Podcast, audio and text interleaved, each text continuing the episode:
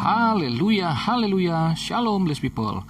Kiranya berkat dan damai sejahtera Allah di dalam Tuhan Yesus Kristus menjadi bagian kita sepanjang hari ini. Jumpa lagi dengan saya Pendeta Theodorus dalam Renungan Kristen.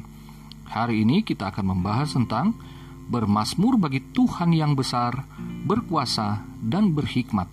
Terambil dari Mazmur 147 ayat 1 sampai 6. Begini firman Tuhan. Haleluya, Sungguh bermasmur bagi Allah kita itu baik, bahkan indah, dan layaklah memuji-muji itu. Tuhan membangun Yerusalem, ia mengumpulkan orang-orang Israel yang tercerai berai. Ia menyembuhkan orang-orang yang patah hati dan membalut luka-luka mereka. Ia menentukan jumlah bintang-bintang dan menyebut nama-nama semuanya.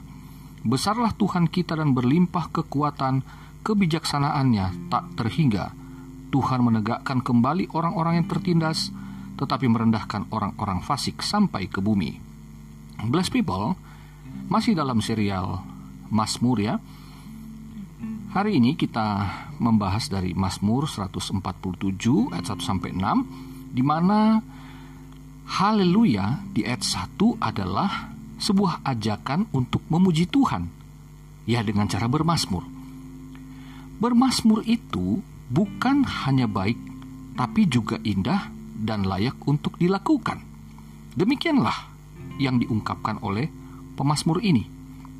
Bermasmur itu, saudara, tidak harus dengan suara yang indah atau suara yang merdu.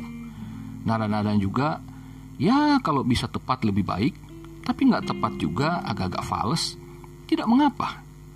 Karena bermasmur itu kan berbicara tentang Tuhan, bernyanyi bagi Tuhan, mengungkapkan kata-kata tentang Tuhan. Jadi bermasmur itu juga merupakan sebuah pengakuan iman dan pengagungan kepada Allah yang Maha Kuasa dan yang Maha Mulia itu. Bermasmur juga merupakan ungkapan kasih kita kepada Tuhan.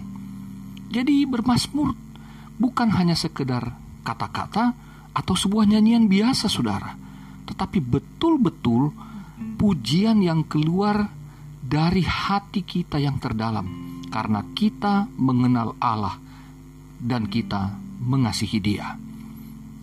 Di ayat 2 menunjukkan bahwa puji-pujian yang dibawakan pemazmur adalah ungkapan sukacita dan syukur karena Israel dapat kembali beribadah kepada Tuhan di Yerusalem. Kalau kita mundur di pasal 137 saya sudah sampaikan itu di sana diceritakan bagaimana Israel di pembuangan di Babel mereka tidak dapat beribadah seperti yang telah ditentukan bahwa hanya Yerusalem itulah tempat ibadah yang sah untuk adanya peribadatan yang kudus. Itulah ketetapan Tuhan bagi Israel. Nah, di Babel dianggap tempat itu najis sehingga tidak layak untuk tempat ibadah yang kudus. Nah, sekarang mereka telah kembali dari pembuangan, sehingga mereka dapat kembali beribadah di Yerusalem sebagai pusatnya. Jadi Yerusalem bagi Israel bukan hanya sekedar pusat pemerintahan, tetapi sebagai pusat spiritual, pusat peribadatan, di mana tabut perjanjian itu menunjukkan kehadiran Allah di tengah-tengah bangsa Israel di tengah-tengah umatnya. Jadi dengan hadirnya Allah di Yerusalem sebagai pusat peribadatan, maka seluruh Israel, seluruh wilayah Israel diberkati Tuhan. Demikianlah yang diimani oleh orang Israel. Jadi dengan demikian dengan hadirnya Allah, maka sesuai dengan nama Yerusalem, damai sejahtera Allah melingkupi seluruh Israel. Haleluya saudara. Nah di ayat 3 kemudian menunjukkan orang-orang yang patah hati dan terluka. Maksudnya ialah mereka yang bersedih dan berduka cita karena dosanya. Di masa lalu, Israel pernah terbuang ke Babel, dan penderitaannya itu luar biasa. Mereka merasa hidupnya jauh dari Tuhan, dan ketika mereka kembali ke Yerusalem, sukacita mereka pulih kembali. Tuhanlah yang membawa mereka pulang. Ingat, Tuhan yang menghukum, tetapi Tuhan juga yang mengembalikan mereka pulang. Artinya, Tuhan itu sangat adil, tetapi juga kasih karunia-Nya sangat melimpah, melampaui penghukumannya. Nah, saudara yang terkasih dalam Tuhan, di ayat 4 dikatakan, Tuhanlah yang menentukan jumlah bintang-bintang dan menyebut nama-nama semuanya. Ya, semuanya saudara. Nah, kalau saudara baca di Google, bayangkan saudara ya. Di Google saudara baca, manusia itu kan tinggal di planet bumi. Dan bumi itu merupakan bagian dari galaksi Bima Sakti. Ya, ada banyak planet.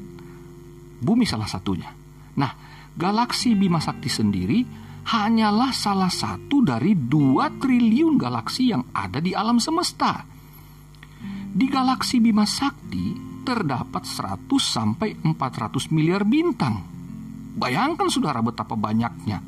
Nah, kalau 100 sampai 400 miliar bintang di galaksi Bima Sakti di mana manusia tinggal di bumi yang sangat kecil ini kalau di alam semesta ya maka saudara, bayangkan. Tuhan ingat 100 sampai 400 nama. Ya, 100 sorry, 100 sampai 400 miliar nama bintang. Bagaimana mungkin saudara? Tuhan melupakan 5 miliar penduduk bumi. Apalagi umat Kristen. Sekian miliar ini. Mungkinkah dia lupa Mungkinkah dia tidak ingat akan anak-anaknya di dalam Kristus? Tidak mungkin, saudara. Kalau Tuhan ingat bintang-bintang di langit, maka Tuhan pastilah mengingat umat ketebusannya. Dia pasti ingat nama saya. Dia pasti ingat nama saudara sekalian. Haleluya. Jadi saudaraku, kalau ada orang yang tidak ingat perbuatan baik saudara, Tuhan yang selalu memantau saudara, Dia pasti ingat untuk memberikan keadilan kepada saudara. Kalau saudara sedang susah, saudara berpikir ada orang yang saudara kenal baik, bahkan pernah menolong dia akan memberikan bantuan. Ternyata tidak. Jangan khawatir, saudaraku Tuhan lihat saudara, dia ingat nama saudara yang membutuhkan pertolongannya pada saat ini. Apa pun itu saudaraku ya, baik itu keuangan, rumah tangga, kesehatan, pekerjaan, jodoh sebagainya. Saudara harus percaya penuh bahwa Tuhan ingat kepada kita semua. Haleluya. Ayat 5 dan ayat 6 jelas menunjukkan Tuhan yang besar yang berkuasa dan yang berhikmat. Ketika umat menemui jalan buntu, pikiran sudah mentok. Ya, sudah.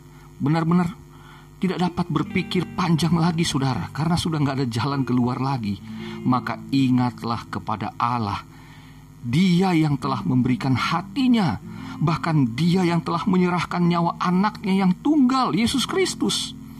Pastilah dia memberikan jalan keluar kepada saudara dan saya ada caranya Tuhan yang mungkin tidak terpikirkan oleh umat, tidak terpikirkan oleh kita. Tetapi ingatlah bahwa Dia Tuhan dan Juru Selamat kita. Dia akan menolong kita sebagai umat ketebusannya. Hanya manusia yang diciptakan serupa dan segambar dengan Dia, dan di dalam Kristus kita semua adalah anak-anak yang dikasihinya. Jadi saudaraku yang terkasih, mari kita bermasmur.